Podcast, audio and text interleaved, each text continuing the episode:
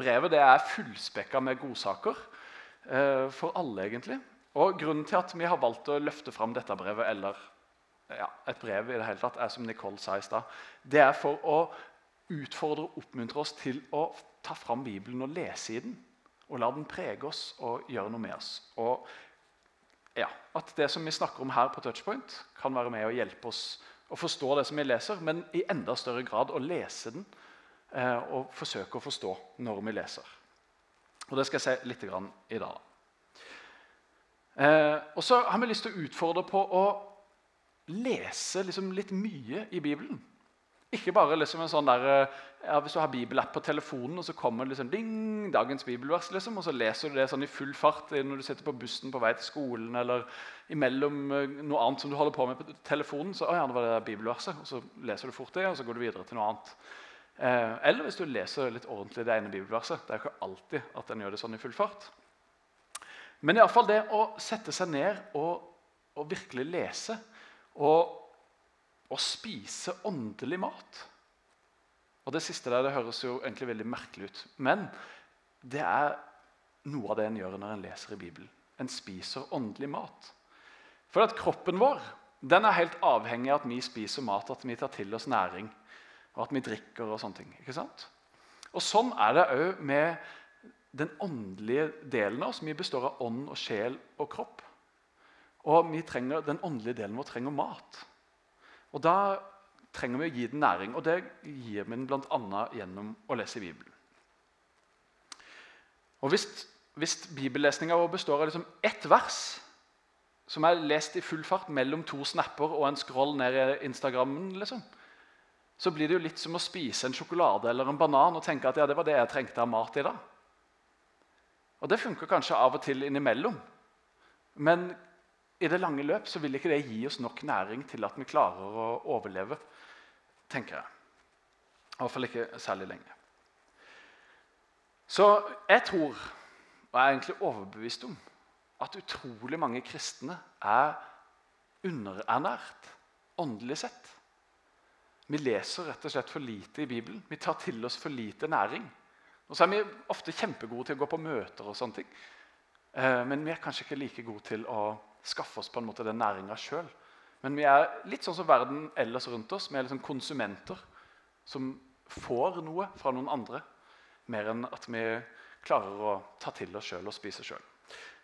eh, Målet mitt og målet vårt med denne taleserien det er ikke å slå deg i hodet med Bibelen og gi deg dårlig samvittighet. Med mindre det funker. Da har jeg lyst til å gjøre det. Men jeg tror ikke det funker på så veldig mange. så det kommer ikke til å gjøre det. Men målet det er å utfordre du og meg til å ta fram denne fantastiske boka som det jo er. Og til å lese den og til å spise åndelig mat. Og til å bli bygd opp, til å bli inspirert og til å bli utfordra av Gud sjøl. For Vi kaller dette for Guds ord. Og Visjonen til Touchpoint da, den er hvis ikke du visste det, det er å nå mennesker som er borte fra Gud og menighet, og gjøre det til etterfølgere av Jesus. Og Hvis vi skal følge etter noen, så må vi jo vite hvor de går.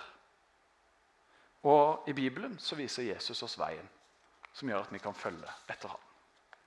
Så De fire mandagene i denne taleserien det tar utgangspunkt i ett kapittel hver gang. Nå er det jo riktignok seks kapitler i Efeserbrevet, så vi rekker ikke gjennom alle de på de fire gangene. Men vi skal få gjennom de fire første. Så kan du lese resten sjøl. I dag så er det kapittel 1, og neste gang så er det kapittel 2 osv.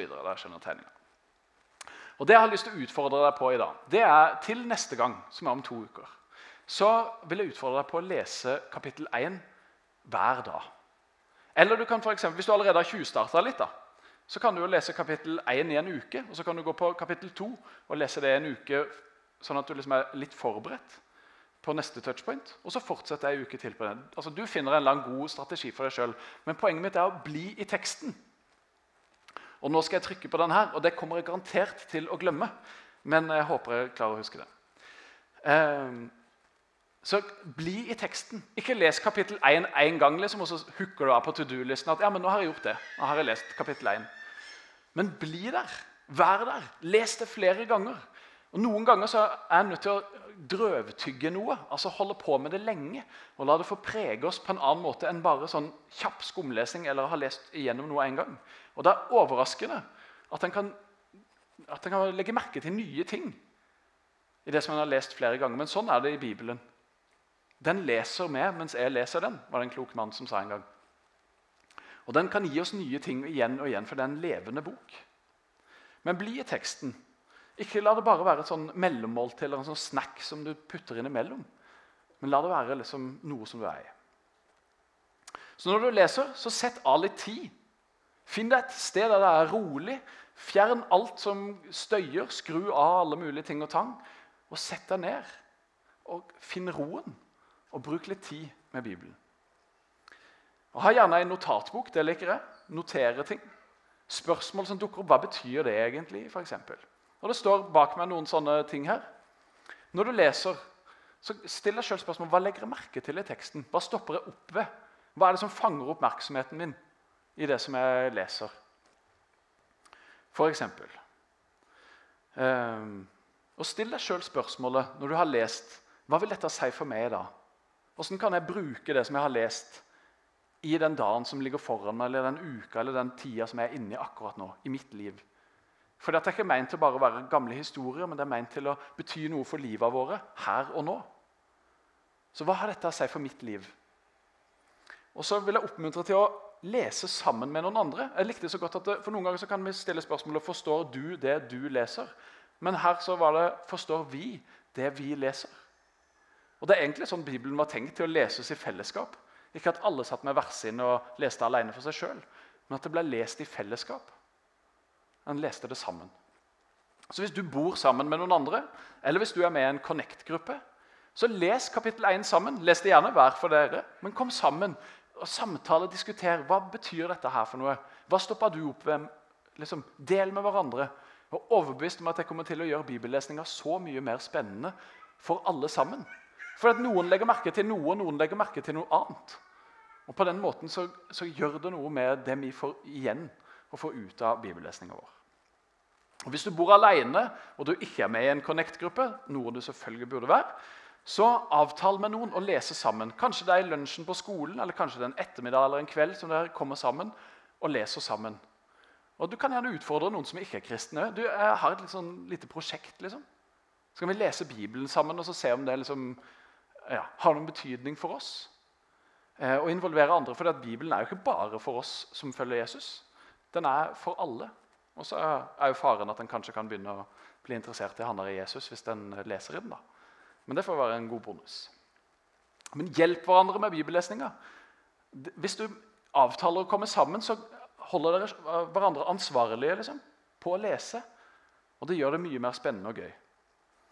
Så jeg vil bare utfordre alle sammen på å, at vi tar til oss føde. Og Bibelen er ikke for liksom spesielt interesserte eller for de som har teologisk utdannelse. Liksom, ja, Bibelen er for alle. Og så er, kan den være vanskelig å forstå noen ganger. og Da er det supert å lese sammen med noen andre og hjelpe hverandre til å forstå. Og så er det sånn at Den hellige ånd, Vi som tror på Jesus, vi har fått Den hellige ånd.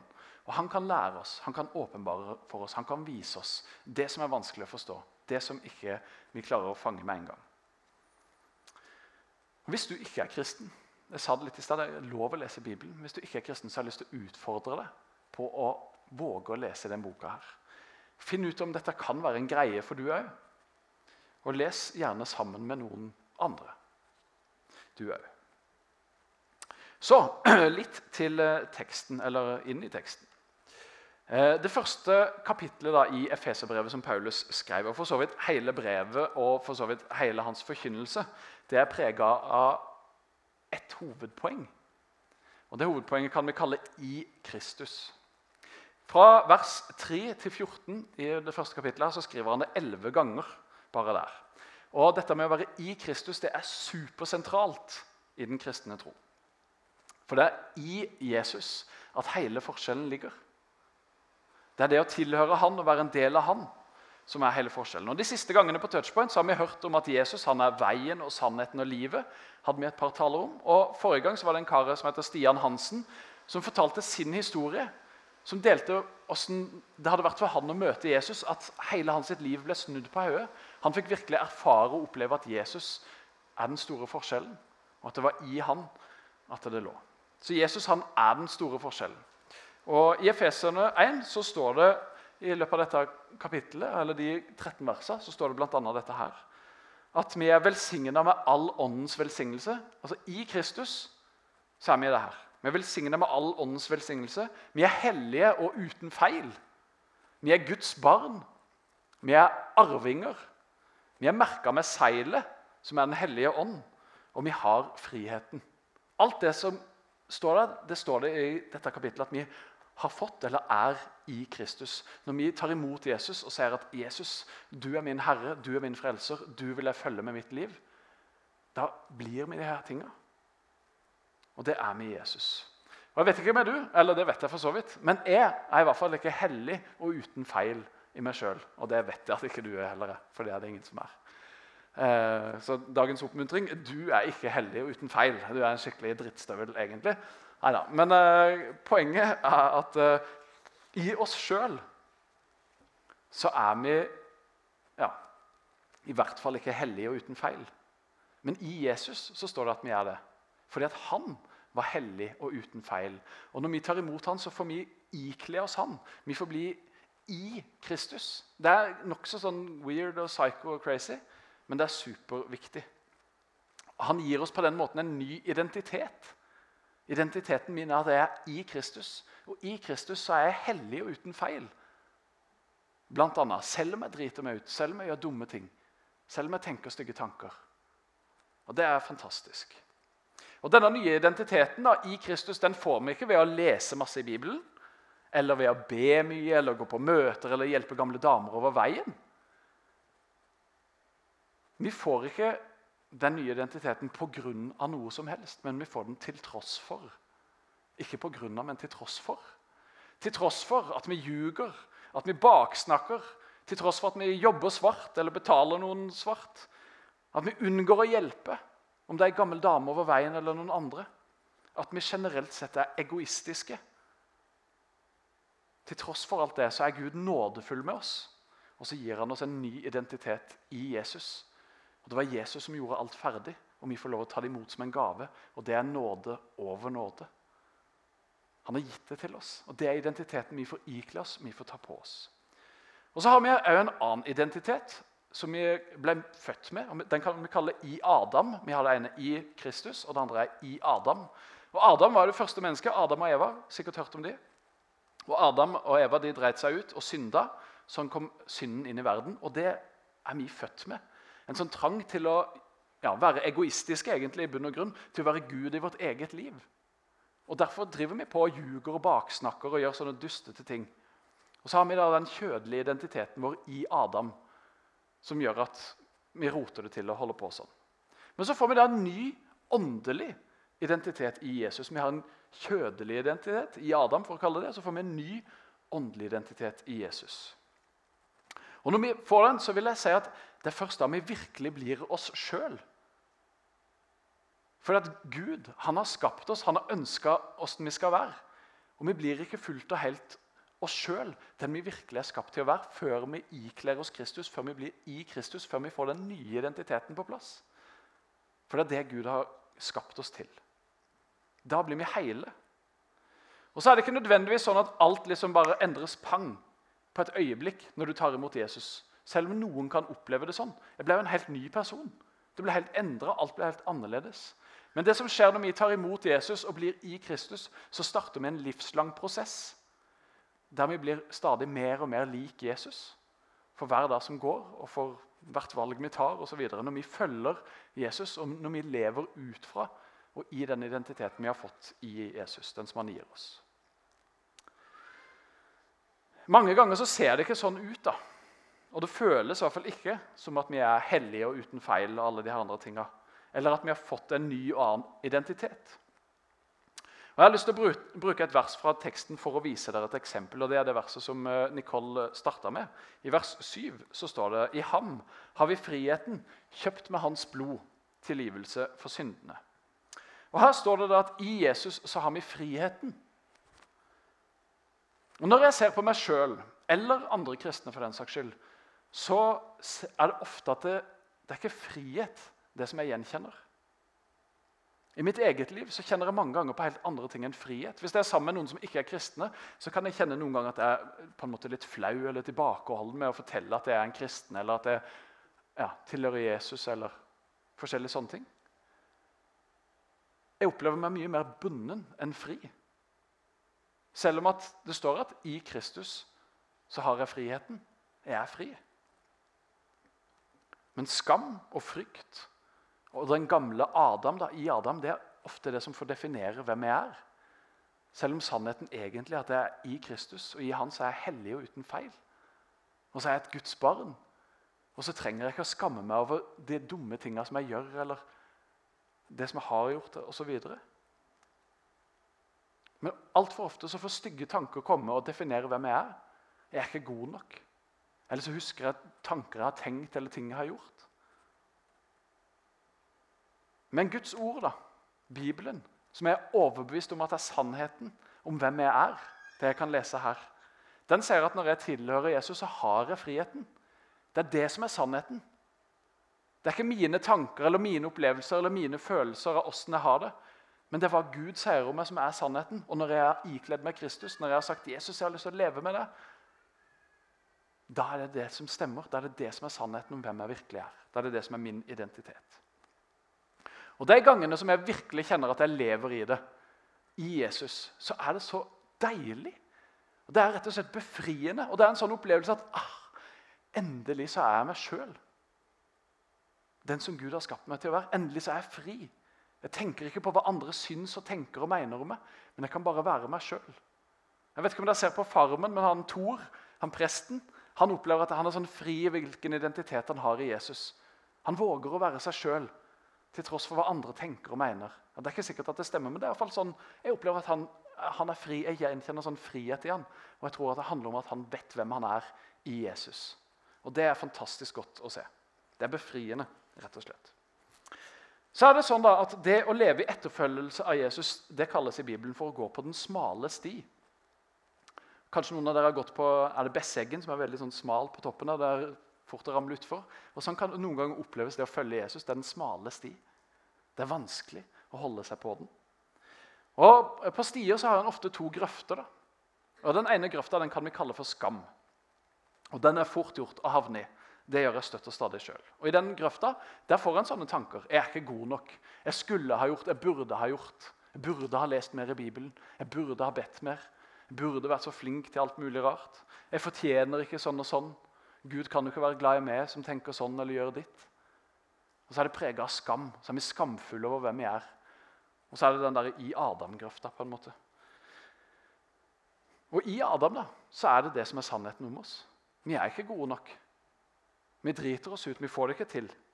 Og Vi burde og vi skulle og vi fortjener ikke. Men det er i Adam at det stemmer. Men i Kristus så er sannheten noe helt annet. Det er fantastisk. Vi er overøst med nåde og kjærlighet. Vi er Guds barn. Det er jo fantastisk enkelt og greit. Og så er det så vanskelig å gripe mange ganger. Men så er det så befriende og så avgjørende å få oppleve hva det vil si å være i Kristus. og få oppleve den identiteten. Og Jeg fikk virkelig oppleve det sjøl for tre år siden. eller sånn, to, tre, fire år siden, et eller annet. Hva nåde var. Og Det ble en sånn åpenbaring i mitt liv. Og Jeg har vært kristen hele mitt liv og var liksom 32 år før jeg egentlig syntes at jeg skjønte noe av det. Og det var fantastisk. Og Det er derfor Paulus skriver så mye om det, tror jeg, fordi det er så grunnleggende, det er så viktig. Og så er det samtidig så vanskelig å leve i den der identiteten. Men etterfølgelse av Jesus da, det er hver dag å ikle seg denne identiteten og følge Han på den smale stien. Og Det er om å ta til seg av den gode og den riktige næringen som forteller sannheten om hvem vi er. Sånn at vi kan leve i den friheten som vi er kjøpt fri til. Og Det var det neste som sto i det verset. Det står nemlig at friheten vi har i Jesus, den kjøpte han oss fri med sitt blod. Altså sin død på korset. Jesus han døde på et kors. Og Der så betalte han prisen for du og meg. For å gi oss friheten. Det det kosta for å gi oss frihet, det var død. Og Den prisen skulle egentlig du og meg betalt, men den betalte Jesus for oss med sitt blod. Og Hva var det han betalte for? da? Jo, Han betalte for syndene våre. Friheten ligger i tilgivelse for syndene, står det. Hvis det kommer opp. Der! Når Jesus døde, så nagla han alle våre stygge tanker, alle våre dumme handlinger og all vår egoisme til korset. Han knuste synden. Og så betalte han prisen for synd, og det er død. Så i, Jesus har vi friheten, kjøpt med hans blod, tilgivelse for syndene. Og Den ene grøfta da, ved den smale stien det her gå på det å følge Jesus, så er det, den heter skam. Og Der skammer vi oss over de syndene som vi gjør. Og Der kjenner vi på dårlig samvittighet. Og Kanskje du kjenner deg godt igjen i det. Jeg kjenner meg mye igjen i den grøfta. Jeg har rota rundt ofte der og gjør det stadig fremdeles. Men vi trenger ikke å holde på nedi der og være i den grøfta. Vi er kalt til å være på stien, til å følge Jesus, til å gå sammen med ham. Det er der vi er kalt til å være. Til å følge etter ham. Og for å komme dit så handler det ikke om å ta seg i nakken og skjerpe seg. Eller å gjøre så godt en kan og prøve å bli bedre. Nei, Det handler om å ta til seg næring. Det handler om å leve med Jesus. Det handler om å overgi seg til han hver eneste dag. Og si at 'Jesus, jeg vil følge deg på den smale stien'. Jeg får det ikke til. Jeg driver og roter rundt. Men sannheten det er den at i Jesus er vi gode nok. Vi er rettferdige. Vi er fri, vi er hellige, til tross for hva vi gjør, og til tross for åssen vi føler oss. Så er sannheten i Guds ord om at de av oss som har tatt imot Jesus, vi er fri, vi er hellige, vi er uten feil. Og vi er på den smale stien og følger oss etter Jesus. Så bli med meg og kom deg opp av den grøfta. Du hører ikke hjemme der, fordi at Jesus han har kjøpt oss fri til å gå på den stien. Og det er fantastisk. Og så er det sånn da, som så mange andre steder, at det fins en grøft på den andre sida òg. Det er to grøfter å gå i på den eh, smale stien. da. Og I den ene grøfta da, der går folk med bøyde hauger, den som heter skam. Eller de krab, kravler kanskje rundt nedi der med sånn bøyde hauger. Skamfulle folk gjør ofte det. I den andre grøfta da, der er det ofte mye liv og latter. mange ganger. Glede, og Det ser veldig gøy ut. der, den grøfta egentlig. Og Så kan vi kalle den grøfta for synd. Så Vi har en grøft som kalles skam, og en grøft som kalles synd. Eh, og det er Paradoksalt nok, da, den grøfta som jeg vil kalle for synd, i den grøfta så hevdes det at det, det fins ikke synd. Hele synsbegrepet er bare utsletta. Vi bare fjerner alt som heter rett og galt, og alt som heter synd, og så bare lever vi i sus og dus og koser oss. Og så roter vi rundt i den grøfta der. Det fins ikke noe rett og galt. Alt er lov. Det er veldig sånn som vi blir fortalt i samfunnet vårt i dag. Har du lyst, har du lov. Er det ikke herlig, dere? Det er bare det som er så synd at det stemmer ikke. Det er en løgn. Og Dette er på, måte, på mange måter Adams måte da, å oppnå frihet på. I Adam, i oss sjøl, i vårt kjødelige sjøl. Så er måten å oppnå frihet på det er bare å fjerne alt som heter synd, alt som heter rett og galt, alt som på en måte kan binde oss og holde oss fast. Og Denne tankegangen den fins i stor grad blant oss som er kristne. Nei, Det er ikke noe som heter synd. Liksom, Gud elsker meg uansett hva jeg gjør. Så det er ikke så nøye med det der. Jeg kan gjøre sånn, jeg kan gjøre ditt, jeg kan gjøre datt. Jeg får jo tilgivelser. Det er ikke sikkert en tenker så veldig sånn, men det er allikevel sånn en lever. da. Og Når en tilhører Jesus, så er det jo sant at i Han er vi hellige og uten feil. Vi er velsigna, arvinger osv. Og, og alt det stemmer på en prikk i Kristus. Men det å leve uten bud og regler, det å fjerne synsbegrepet, det er ikke å følge Jesus på den smale stien det er å rote rundt i ei grøft. Det er å lure seg sjøl. Det er å tro at en vet bedre enn Gud, han som har skapt oss. Og selve ursynden, det er at vi sjøl vil være Gud.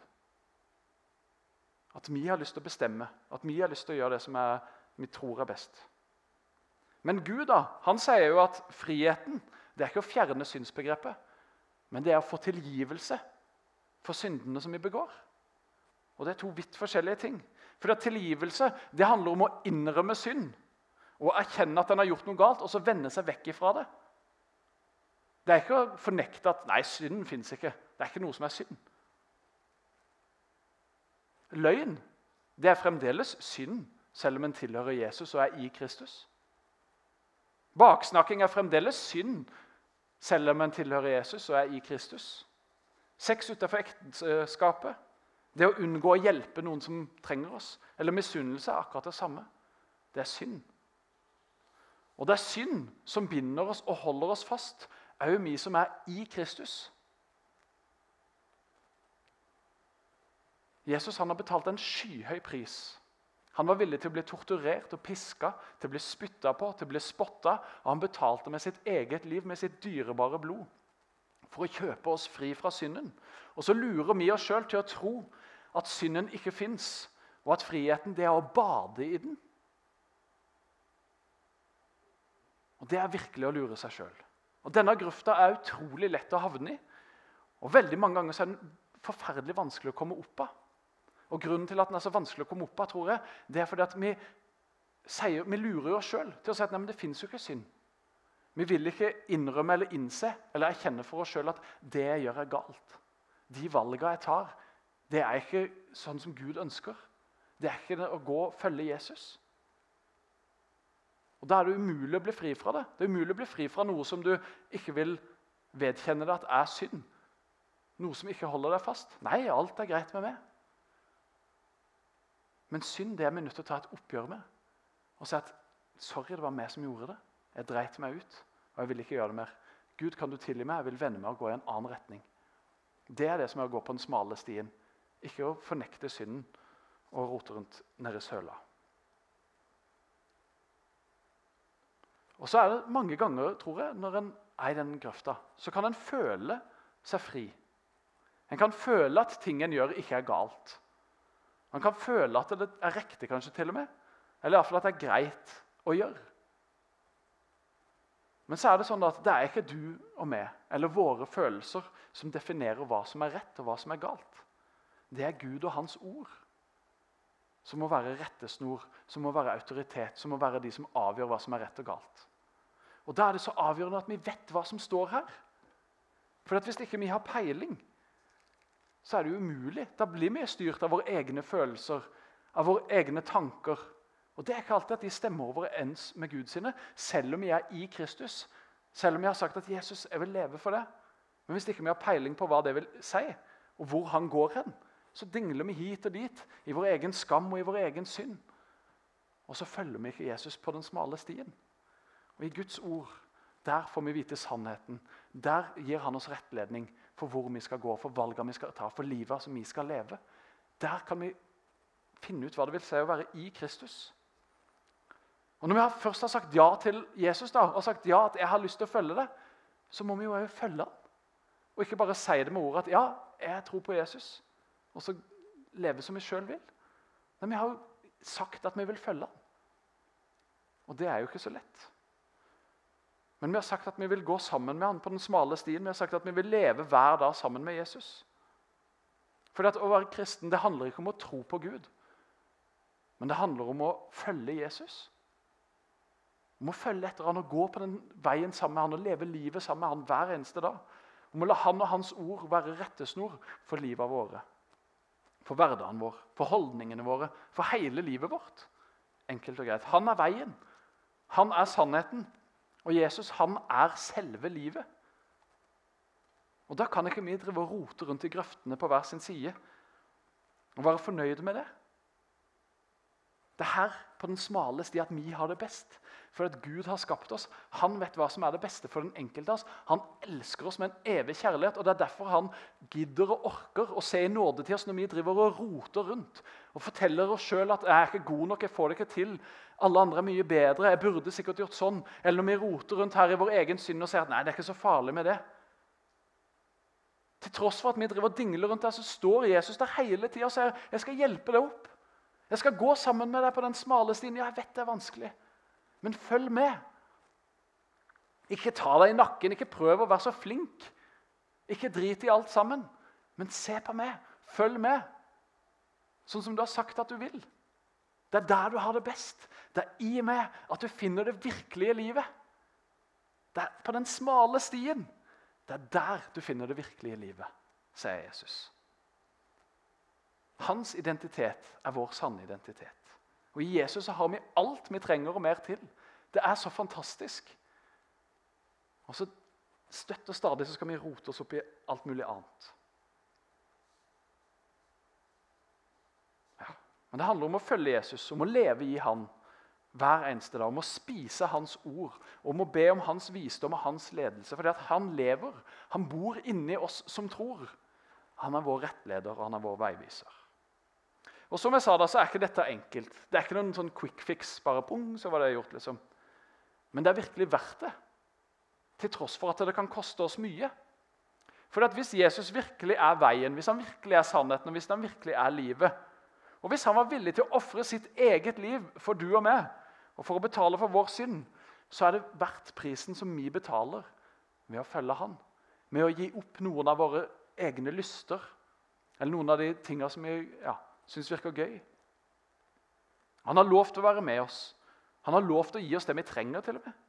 Og Han har lovt å hjelpe oss opp når vi snubler og faller. Han står der alltid, uansett, med en arm utdrakt og sier, 'Kom her, jeg skal hjelpe deg'. Han er nådefull og kjærlig og ønsker oss bare det beste. Og Mot slutten av kapittel 1 så skriver Paulus at han ber for de som han skriver til. Og Jeg har lyst til å avslutte med å lese det som han ber. Og så vil jeg be det over oss, over du og over meg.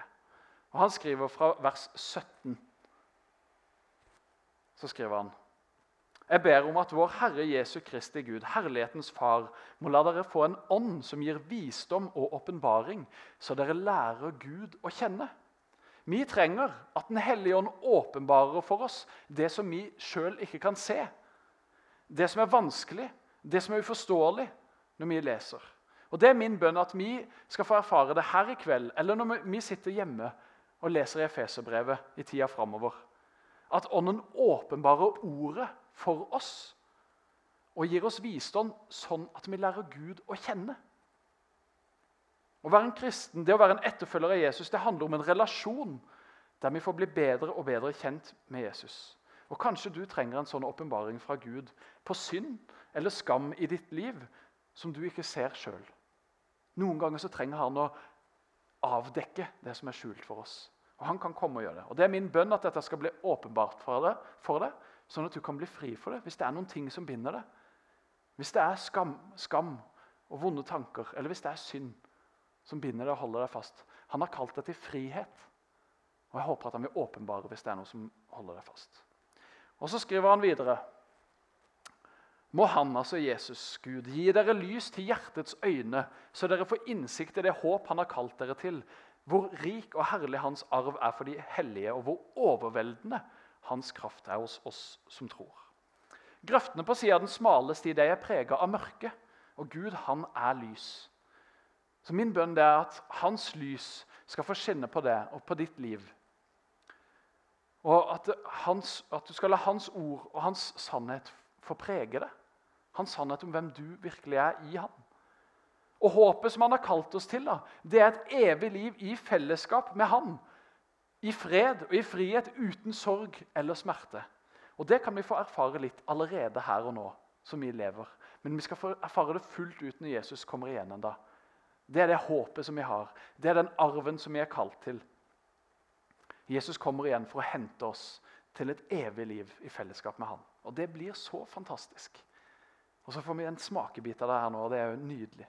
Og så står det at vi som tror, har en overveldende kraft i oss. Det står videre her at den samme kraften som reiste Jesus opp fra de døde, den bor inni du og meg som har tatt imot Jesus. Den samme kraften som reiste Jesus fra grava, den bor inni deg. Er du klar over det? Det har du mottatt når du har tatt imot Jesus. Når du er i Kristus, så lever den kraften inni deg. Og Mange ganger så er jeg så ufattelig kraftløs som kristen. Og så er jeg ikke klar over, og så taler jeg ikke til meg sjøl eller leser at den kraften bor i meg. Den samme kraften som reiste Jesus fra døden, den bor i oss. Det er ganske vanvittig. Det er enormt, faktisk. Og så dingler vi rundt som kraftløse, skamfulle, syndige Adamer og Evar istedenfor å være i Kristus og følge ham. Et liv i Kristus det er prega av frihet og kraft. Og det er vi kalt til. Og det er helt fantastisk. Og det finner vi på den der smale stien når vi følger Jesus med livet vårt. Så Mye av det beste budskapet som fins i verden. Det er derfor jeg gidder å stå og prate om de tingene her. Og det er det jeg ønsker at så mange skal få lov å ta imot. At Jesus han er selve livet. Han er bare helt fantastisk. Han lever, og han ønsker at du og meg vi skal leve i frihet og i kraft. Og Nå skal jeg oppsummere det jeg har sagt, med tre korte punkter helt til slutt. Jeg begynte med å si 'les i Bibelen'. Ta den utfordringa og les i Bibelen. Drøvtygg kapittel 1 i Efeserbrevet og les det sammen med andre. I Kristus så har vi friheten, og vi har sannelig alt annet vi trenger òg. Det er i Jesus som hele forskjellen ligger. Og Det ligger i å følge han på den smale stien og ved å la han fylle oss med sine sannheter. Og De finner vi i stor grad i denne boka. her. Og så La oss be om at Gud vil åpenbare for oss det som ligger skjult for oss, sånn at vi kan virkelig leve ut den friheten som det er å være i Kristus. Be om det sjøl for ditt liv. Be den vanskelige bønnen Gud, vis meg min synd. Eller vis meg det som jeg skammer meg over, det som binder meg, det som holder meg fast. Og jeg tror at han vil svare på det. Og nå skal jeg be, og så er jeg ferdig. Gode Gud, jeg har lyst til å takke deg for det, at du er en god Gud. Jeg har lyst til å takke deg for ditt ord som du har gitt til oss. Takk for at det er mat og næring for oss som tilhører deg. Og Jesus, må du virkelig gi oss det som vi trenger av lyst og av disiplin til å sette oss ned og til å spise av ditt ord, til å ta til oss av det som du har gitt oss, så at vi kan følge etter deg, Jesus, på den smale stien som du går foran oss på. Takk for at du har lovt å gå med oss. Takk for at du er selve livet. Takk for at du har alt godt for oss, Herre. Må du gi oss kraft. Takk for at vi har den kraften i oss, Herre. Må vi kjenne det som den bobler opp, Herre. Må du åpenbare ting som ligger skjult for oss, som ligger i mørket. Må du sette ditt lys på våre liv, Herre, og åpenbare det som ligger der Herre, takk for din kjærlighet, takk for at du elsker oss og du ønsker bare det beste for oss. At vi kan komme i ditt lys og ut av det mørket og ut av den synden og den skammen som binder oss og holder oss fast, Herre. Helligånd, må du komme og røre ved oss nå. Må du røre ved oss i tida som ligger foran, Herre. I Jesu navn. Det ber jeg deg om. Og så har jeg lyst til å utfordre deg og invitere deg til å komme til forbønn.